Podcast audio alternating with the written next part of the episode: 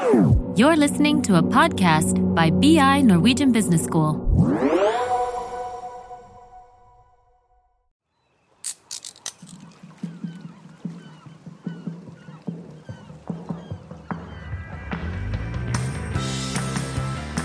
I denne podkasten skal vi da snakke om hvordan Statens pensjonsfond utland, eller populært kalt oljefondet på folkemunne, forholder seg til bærekraft i sine investeringer. Og I dag han vært så heldig da, å ha fått besøk av Wilhelm Moen, som er Global Co-Head of Corporate Governance at Norges Bank Investment Management. Det var en ganske lang og komplisert tittel, Wilhelm. Kan du veldig kort bare si noe om hvilke arbeidsoppgaver som ligger i den stillingen? Ja, ja, den er kanskje litt lengre enn den trenger å være. Men uh, det er jo da eierskapsavdelingen til uh, uh, Norges Bank, forvalteren av oljefondet. Og konkret så handler det om hvilke forventninger vi stiller til selskaper i bærekraftspørsmål. Prinsippene vi legger til grunn som ansvarlig investor. Og også mye om dataene, analysene som skal til for å integrere dette investeringsvirksomheten som, som andre avdelinger i, i, i NBIM eh, tar seg av. Eh, så er vi to stykker, derfor Co. Eh, og mitt særskilte område er da bærekraft. Ja, bra. Det høres ut som vi har fått rett mann i studio. i hvert fall. Men altså, før vi går i gang med det vi egentlig skal snakke om i dag, så er jo Geir og meg også veldig fotballinteressert, og du bor jo i London. Og Da må vi liksom bare få lov å spørre deg eh, på noe som kan være avgjørende for temperaturen her i studio. Hvilket fotballag er det du følger? Altså, dette var veldig veldig heldig, ja. fordi jeg følger jo ikke et eneste fotballag. Så oh. dette kan jo ikke gå gærent. Nei, det kan ikke gå gærent. Vi var to, litt redd for at du skulle to, to, to, grunner til det. holdt jeg på å si. Det ene er at eh, jeg skjønte fort at hvis du bor i London og later som du følger et fotballag, så bør du helst gjøre det på ordentlig. Ja. Så da var det like greit å, å ikke følge altfor godt med. Men vi bor, eh, vi bor eh, i Vest-London, eh, i et sted som heter Barnes, rett overfor stadionet til Fulham. Så det er vel det nærmeste vi har, i hvert fall. Så, ja. Ingen oljesmørt klubb, iallfall. Nei, det, det tror jeg man trygt kan si. ok, takk for det. Altså Veldig ofte når vi og Geir da leser i artikler i internasjonale tidsskrifter og i bøker om bærekraft og ansvarlige investeringer, så trekkes ofte oljefondet, da, altså verdens største fond, da, fram som en slags proaktiv eller en early adopter og en rollefigur. En positiv sådan. Altså Kan du fortelle oss litt om hva dere i fondet legger i begrepene bærekraft og ansvarlige investeringer?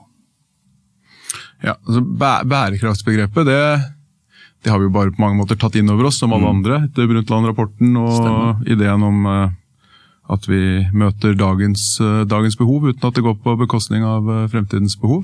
Og så er det selvfølgelig blitt, kan du si, Eh, tatt inn i prinsipper vi følger eh, som ansvarlig investor, for å komme da tilbake til det andre som, eh, som OECDs retningslinjer ligger i mandatet vårt at vi skal følge. Eh, FNs bærekraftsmål, ting som, som, selvfølgelig da også næringsliv og selskap må forholde seg til. Så det er bærekraft. Eh, ansvarlig forvaltning, ansvarlige investeringer, det, det, følger direkte av mandatet. Eh, det står i mandatet som Finansdepartementet har fastsatt, at eh, forvaltningen skal være ansvarlig.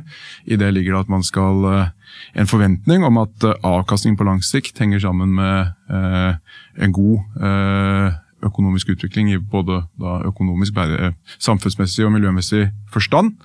Um, og så eh, legger man da gjerne noen prinsipper da, til grunn for hva det betyr i praksis. så da på overordnet nivå, Jeg nevnte OECD, det er også da prinsippene fra FN. Men så finnes det noe som heter FNs prinsipper for ansvarlig forvaltning. Som går øh, mer i dybden da, på hva det vil si f.eks. gjennom eierskapsutøvelse og mm. øh, rapportering osv. Nettopp, så kanskje det har ikke måte tatt en, en, egen variant av dette, på en måte, som dere, dere har fulgt en slags internasjonal og en akseptert norm. Det har ikke på en måte vært liksom, eh, Dere har ikke vært med å definere opp noen grenser selv. Jeg tenkte liksom det med at det ofte trekkes fram at eh, oljefondet ofte har vært en slags en, en early adapter, en proaktiv aktør. Da. Kanskje dere da hadde òg måte vært med på en måte og gått litt lenger enn det som kanskje er minste felles multiplum i disse standardene? Det spørs hvem du regner som dere. Det store vi, Norge, og Finansdepartementet ikke minst, har jo nedlagt et stort arbeid i det. Eh, fra Graver-utvalget, som eh, lanserte de etiske retningslinjene og kriteriene for utelukkelse opprinnelig, som var eh, absolutt nyskapende. Ingen som hadde gjort det før på den måten. Man kom tidlig gjennom da diskusjoner, eh, strategiinnspill fra eksperter inn på dette med sammen, det slags sammenfall av det langsiktige og ansvaret med å forvalte på vegne av den norske befolkning, at det hadde en ansvarlighetsdimensjon ved seg. Og Norges Bank var en av de signatorene, eller de, som i fellesskap utarbeidet disse prinsippene fra FN i 2006. Så Sånn sett så har vi eh, tør jeg påstå gått i bresjen, men, eh, men da i, ja. i, bredere sammenheng, i hvert fall jeg kan ta på meg æren for. Mm. Så det, det, opprinnelige mandatet er så, så man kan fremdeles si at den finansielle avkastningen er på en måte den viktigste parameteren i det på en måte å være ansvarlig. da. Være ansvarlig for framtidige generasjoners ja. ja. Det er grunnleggende, og det er utgangspunktet også for de prinsippene som hovedstyret i Norges Bank har fastsatt for Riktig. forvaltningen. Mm. Risikoreduksjon og langsiktig verdiskaping. To sider. Men, men nå begynte egentlig fondet å ta inn over seg eh, bærekraft og det med ansvarlige investeringer. Begynte man ti år siden, fem år siden? Ja, hele 15. 15 Kanskje ja. enda litt lenger. Eh, skrevet, vi, har skrevet, vi skrev en bok om det, en historiebok, for, ja. Eh, som kom ut for et års tid siden, tenker jeg. Som gir, da, gjengir disse 15 årene. Men, men, konkret så begynte man å stemme ved aksjonærmøter i jeg tror 2003, mars 2003, hvis jeg ikke tar helt feil. Og så Ganske kjapt etterpå så begynte man å rapportere om det. Man omtalte f.eks. Eh, klimarisiko første gang, tror jeg, i eierskapssammenheng i 2006. Det kom forventningsdokumenter om klima, barn og vann, sånn 2008-2009. Eh, og så har det bare, kan du si, eh, ballet på seg, både i, i, bredde og dybde. da. Eh, og verden har jo forandret seg veldig mye. Og eh, forståelsen er eh, en helt annen, kan du si. Både for næringslivets del og også for, for investor. Så det, det er et ganske eh, langt, eh, lang historikk faktisk i fondets sammenheng, gitt at fondet tross alt ikke er spesielt mye eldre. Nettopp, Det er sikkert derfor det ofte trekkes fram som en av de aller første til å ta dette på alvor. Da.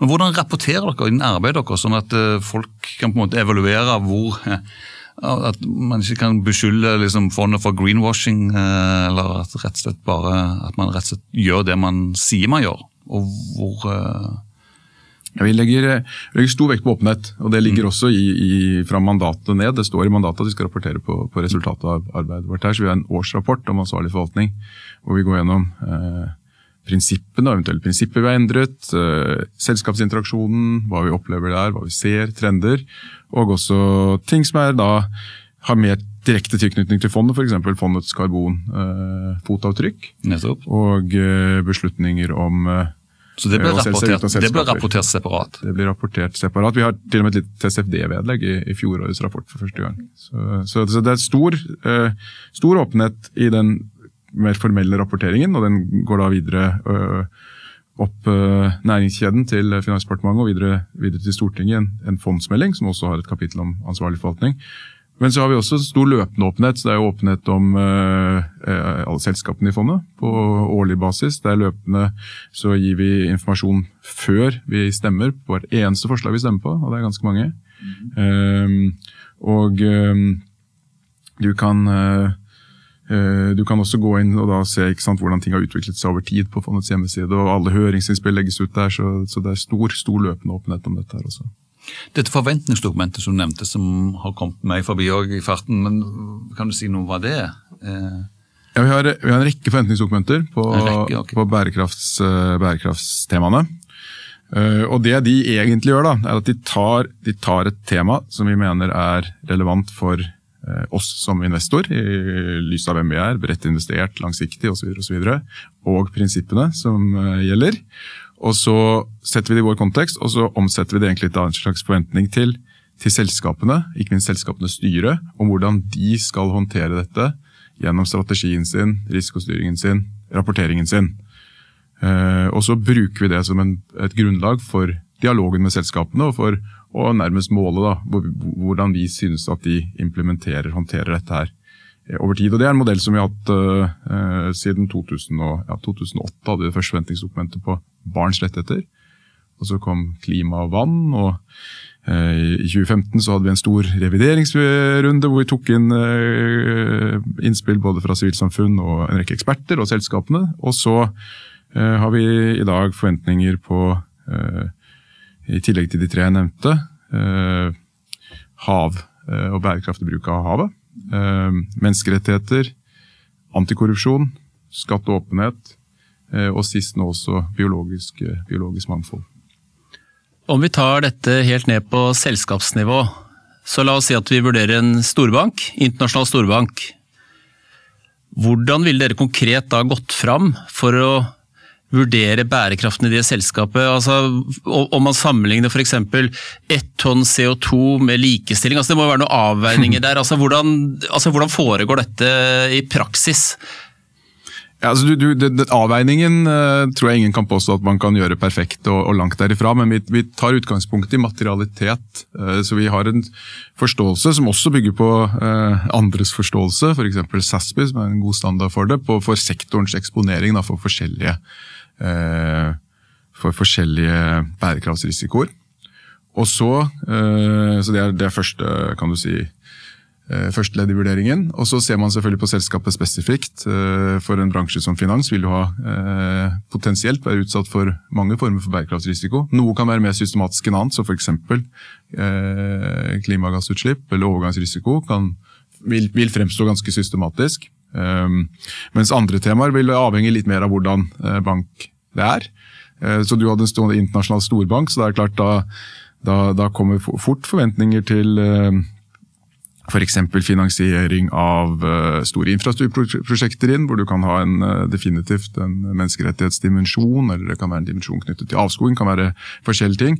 Men typisk så er det ofte da kanskje de mer regionale, eller mer uh, bank, de, altså de, de, bankene som har en, en eller annen form for vridning av forretningen sin mot, mot enten en del av bankmarkedet eller en region som gjerne har ytterligere ofte eh, risikoer. Eh, som da vil vektes opp mye, bare rett og slett fordi de har en mer konsentrert portefølje. Og Da kan f.eks. avskoging og Eh, komme inn for eh, regionale banker i Sydøst-Asia f.eks. Hvordan de finansierer palmeoljeproduksjon, og hvilke retningslinjer de har for utlån eh, der osv. Hvordan, hvordan finner dere eventuelt ut dette? Så hvilke krav til rapportering stiller dere? At, ja, det er, det er ikke selvfølgelig helt enkelt. Noe kan du ved å se på hvor selskapene er lokalisert, litt informasjon om, økonomisk informasjon om operasjonen deres, kan du absolutt eh, via tredjepartsdata komme et stykke på vei. Men så handler det jo rett og slett om den informasjonen selskapene gir, og den er jo eh, absolutt ikke veldig enhetlig eller eh, komplett. Eh, så der jobber vi veldig konkret, og for en investor som oss med 9000 selskapsinvesteringer, så er det kanskje det som er det absolutt viktigste vi kan gjøre. Sørge for at flere og flere selskaper rapporterer mer og mer meningsfylt. og matnyttig informasjon eh, på en standardisert måte, slik at vi som investor kan prioritere bedre og bedre. Og Jobber dere da sammen med si, myndigheter eller siden dere er såpass store, da, jobber dere sammen med myndigheter eller andre for å få på plass en enhetlig, et enhetlig krav til rapportering, så det blir lettere for dere på en måte å vite? eller? Ja, Vi jobber ikke sammen med myndigheter, eh, for det vil vi nok også som statsfond være veldig forsiktige med. Men vi gir innspill til eh, forskjellige myndigheters høringer, eh, initiativer, for å få økt rapportering.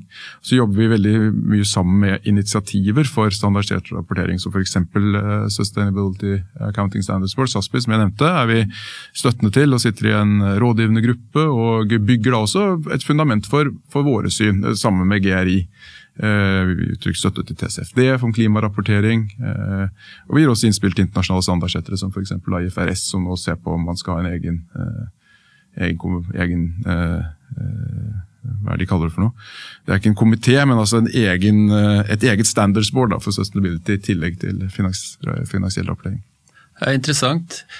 Når dere gjør disse vurderingene, og det er jo ganske brede vurderinger man gjør, som omfatter ganske mange og forskjellige deler av virksomheten, hvis vi fortsetter litt på mikroplan, altså på selskapsnivå. Når dere har gjort alle disse vurderingene, så vil man sikkert gjerne finne at eh, ett og samme selskap kan gjøre ting som er veldig bra, eh, men kan også gjøre andre ting som ikke er like bra. Man kan være dårlig på likestilling, eller man kan kanskje ha mangler i, eh, som en storbank da, i forhold til hvordan man i utlånsporteføljen f.eks. Hvordan tar dere dette da videre?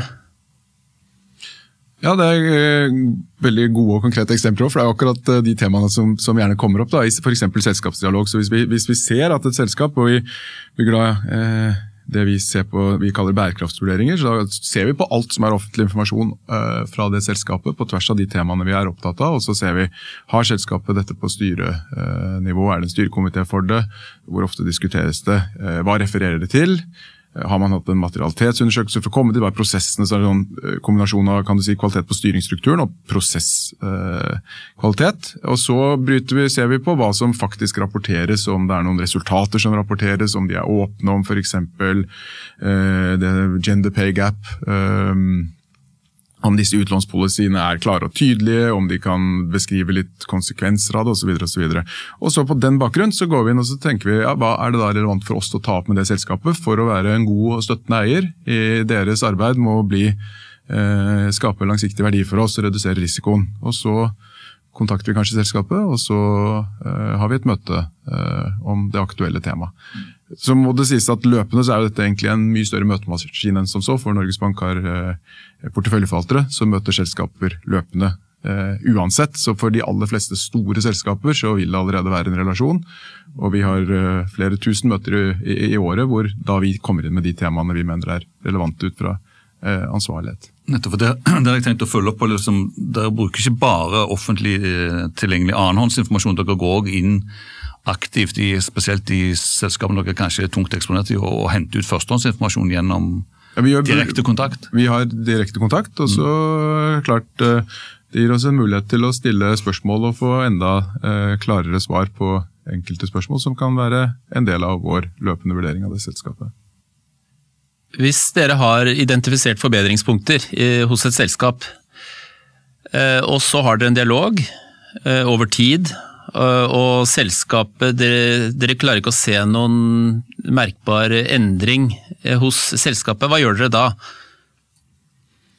Ja, det eh, er også si, en rekke muligheter da, som vi står, står overfor. Vi har definitivt noen ris bak speilet. Sånn, generelt sett så er det jo i en eierskaps...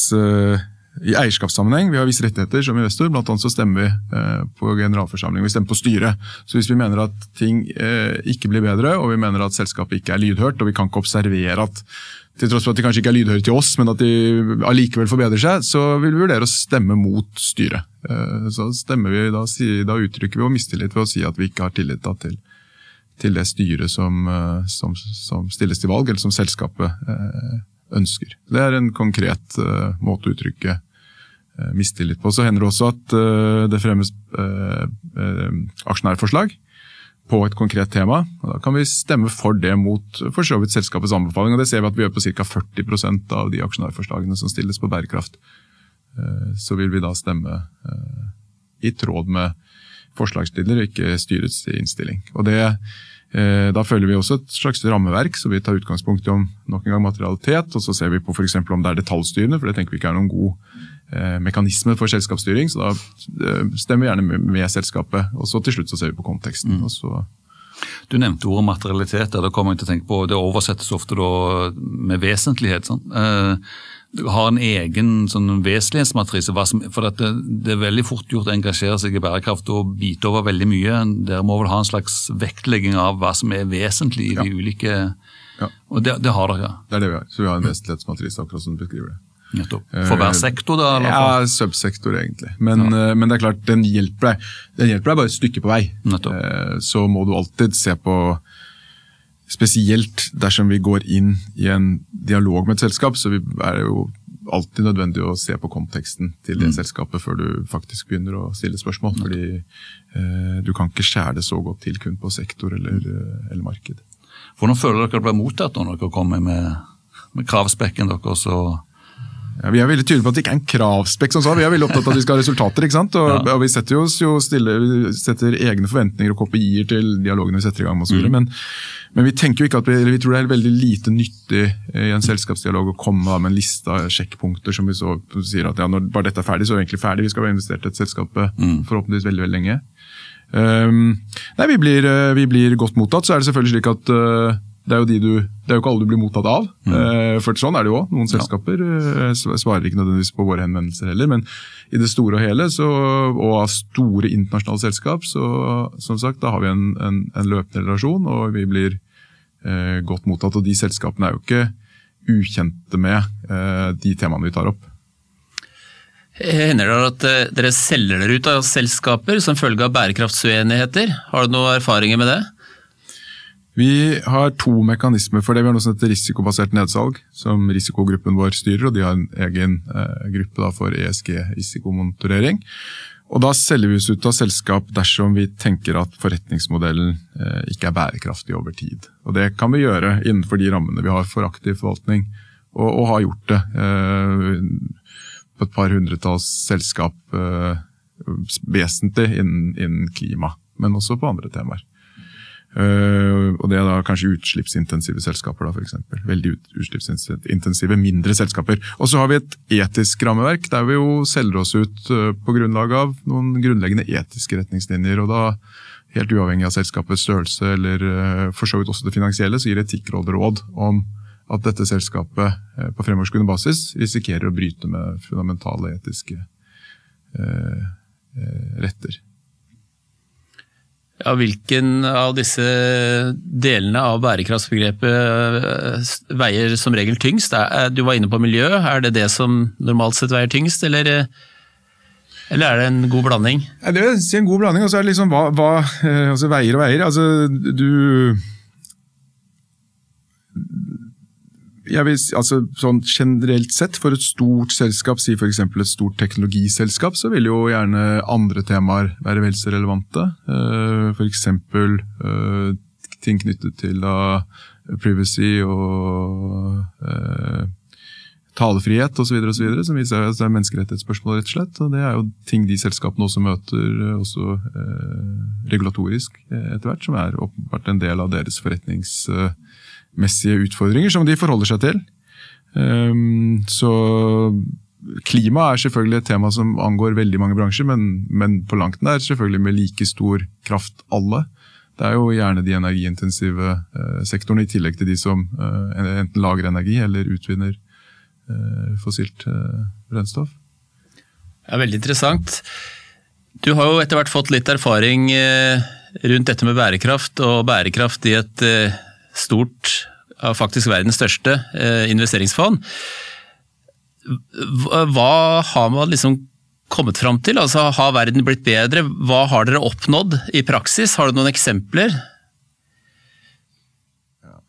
Altså, om verden er blitt bedre, det er jo verden kan, kan, La oss si det sånn, verden kan sikkert bli en god del bedre eh, fra der vi er i dag. Det ser vi jo. Og, eh, det er jo på mange måter eh, for oss som fond også veldig viktig for oss. For vi, vi, er en passiv investor, vesentlig. Vi følger som sagt en indeks, og vi står egentlig last og brast med verdensøkonomien. og Derfor så ønsker vi jo nettopp da at uh, vi og markedene skal prise risikoen er det bedre, og at uh, økonomien skal være bærekraftig. Uh, men at det har vært en stor utvikling siden vi startet med dette, og ikke minst kanskje siden 2010, hvor en del Eh, av disse prinsippene ble oppdatert, og selvfølgelig også 2015 med Parisavtalen, eh, TCFD-rammeverket, klare forventning til hvordan du rapporterer om menneskerettighetsutfordringer i, i, i, i verdikjeden din osv. Det, det er det heller ikke noe tvil om. Selvfølgelig. Altså, ja, det, det, jo, nå har jo eh, en lang rekke selskaper for satt seg vitenskapsbaserte eh, klimamål. Eh, det, metoden er ganske fersk, og for noen sektorer finnes den ikke engang. Men, men begrepet fantes ikke for fem år siden. Så, så, det er klart at det er jo en forskjell, og du må regne med at den forskjellen også leder til en forskjell i, i utslipp. Men det er klart, de selskapene er fremdeles avhengig av at uh, myndighetstiltakene uh, er støttende. Ja, men du, føler sånn overordnet at uh, du gjør en forskjell. Du og din avdeling og oljefondet så vidt, gjør en forskjell. Det ja, vi må jo regne med at det at vi tar opp disse temaene gang på gang på gang, gjør en forskjell. Og så ser vi, da, vi, men det er jo helt umulig å si noe om kausalitet osv. Tallmaterialet er lite, og det er mange, mange, mange, mange ting som spiller inn. og Vi er ikke de eneste som, som reiser temaene, men vi, vi, ser på våre egne målinger at de selskapene vi har involvert oss mer eh, med, enten fordi at de ikke rapporterer i det hele tatt, og vi har tatt kontakt med dem bedre versjoner å rapportere, eller fordi at vi har på tematisk basis andre årsaker eh, hatt en, en dialog med dem om noe. Så tilsynelatende så gjør de det også bedre når vi vurderer eh, deres da, eh, rapportering, eh, men i praksis da, hvordan de faktisk håndterer virksomheten sin året etterpå. Men det må jo være positivt? Det er veldig positivt, og det ja. blir vi veldig glad for når vi ser. Og det er jo selvfølgelig noe som gjør at folk syns det er ekstra gøy å gå på jobben. Så det, Så det, det, er bra for oss, og forhåpentligvis også for, for selskapene. Veldig bra. Du har ikke noe sånn helt på slutten eh, noen noen nye ting dere har tenkt, og er det noe, er noe, innovativt på gang? Eller noen nye krav som skal på plass, eller noen nye måter å ja, Nok en gang med forbehold om dette med krav, da. Ja. Men, uh, ja. men, uh, men uh, Ønsker, da. ønsker. Han er veldig kravstor, ja, Kjell. På vegne av det norske folk. liksom, og Oljefondet, er det noen nye ønsker til standard innenfor bærekraft? Og... Vi har akkurat lagt frem dette forventningsdokumentet vårt på, på biologisk mangfold og økosystemtjenester. og det er et tema som er eh, hvor det er mye oppmerksomhet nå. Eh, det foregår jo en sånn kopp, eh, en pre-kopp i Kina akkurat nå, riktignok virtuelt, tror jeg, for det blir utsatt. Men, og, hvor det også er mye tiltak fra næringslivet. Det er også en sånn tilsvarende variant av TCFD, da, et rapporteringsrammeverk hva kalte du det for noe? TCFD, Task Force for Climate Related Financial Disclosures. Nå kommer det Task Force for Nature Related, eller noe der omkring. Uh, financial Disclosures. Uh, så, så, her jobber da både næringsliv og, og, og myndigheter med å uh, klargjøre i større grad hva det vil si å bidra til, eller, eller ikke, da en god bruk av, av økosystemtjenester, også da biologisk mangfold. Og Der kommer vi akkurat med forventninger, og et tema vi skal ta opp med en rekke selskaper fremover. Så bra.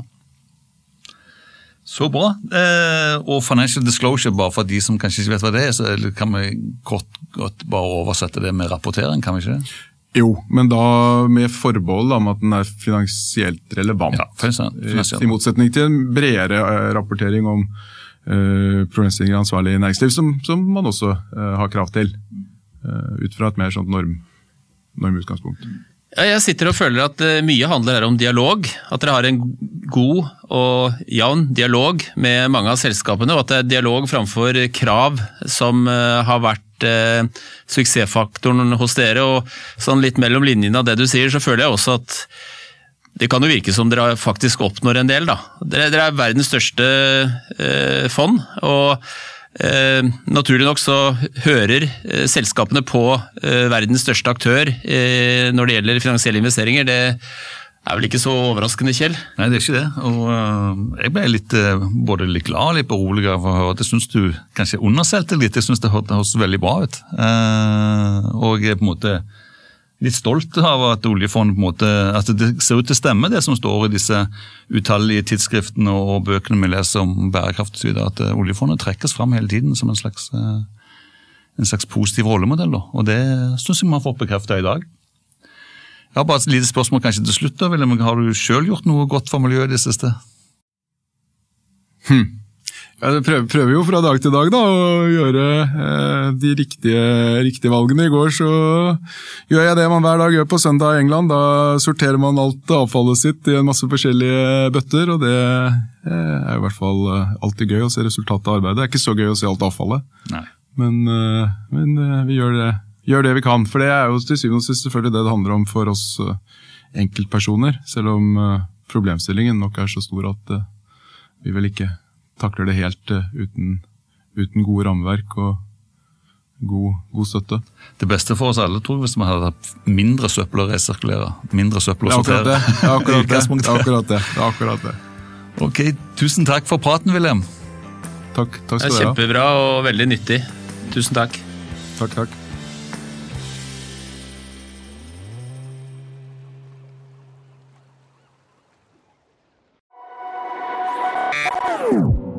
This is a BI production. Listen to more podcasts. Go to bi.no slash podcasts.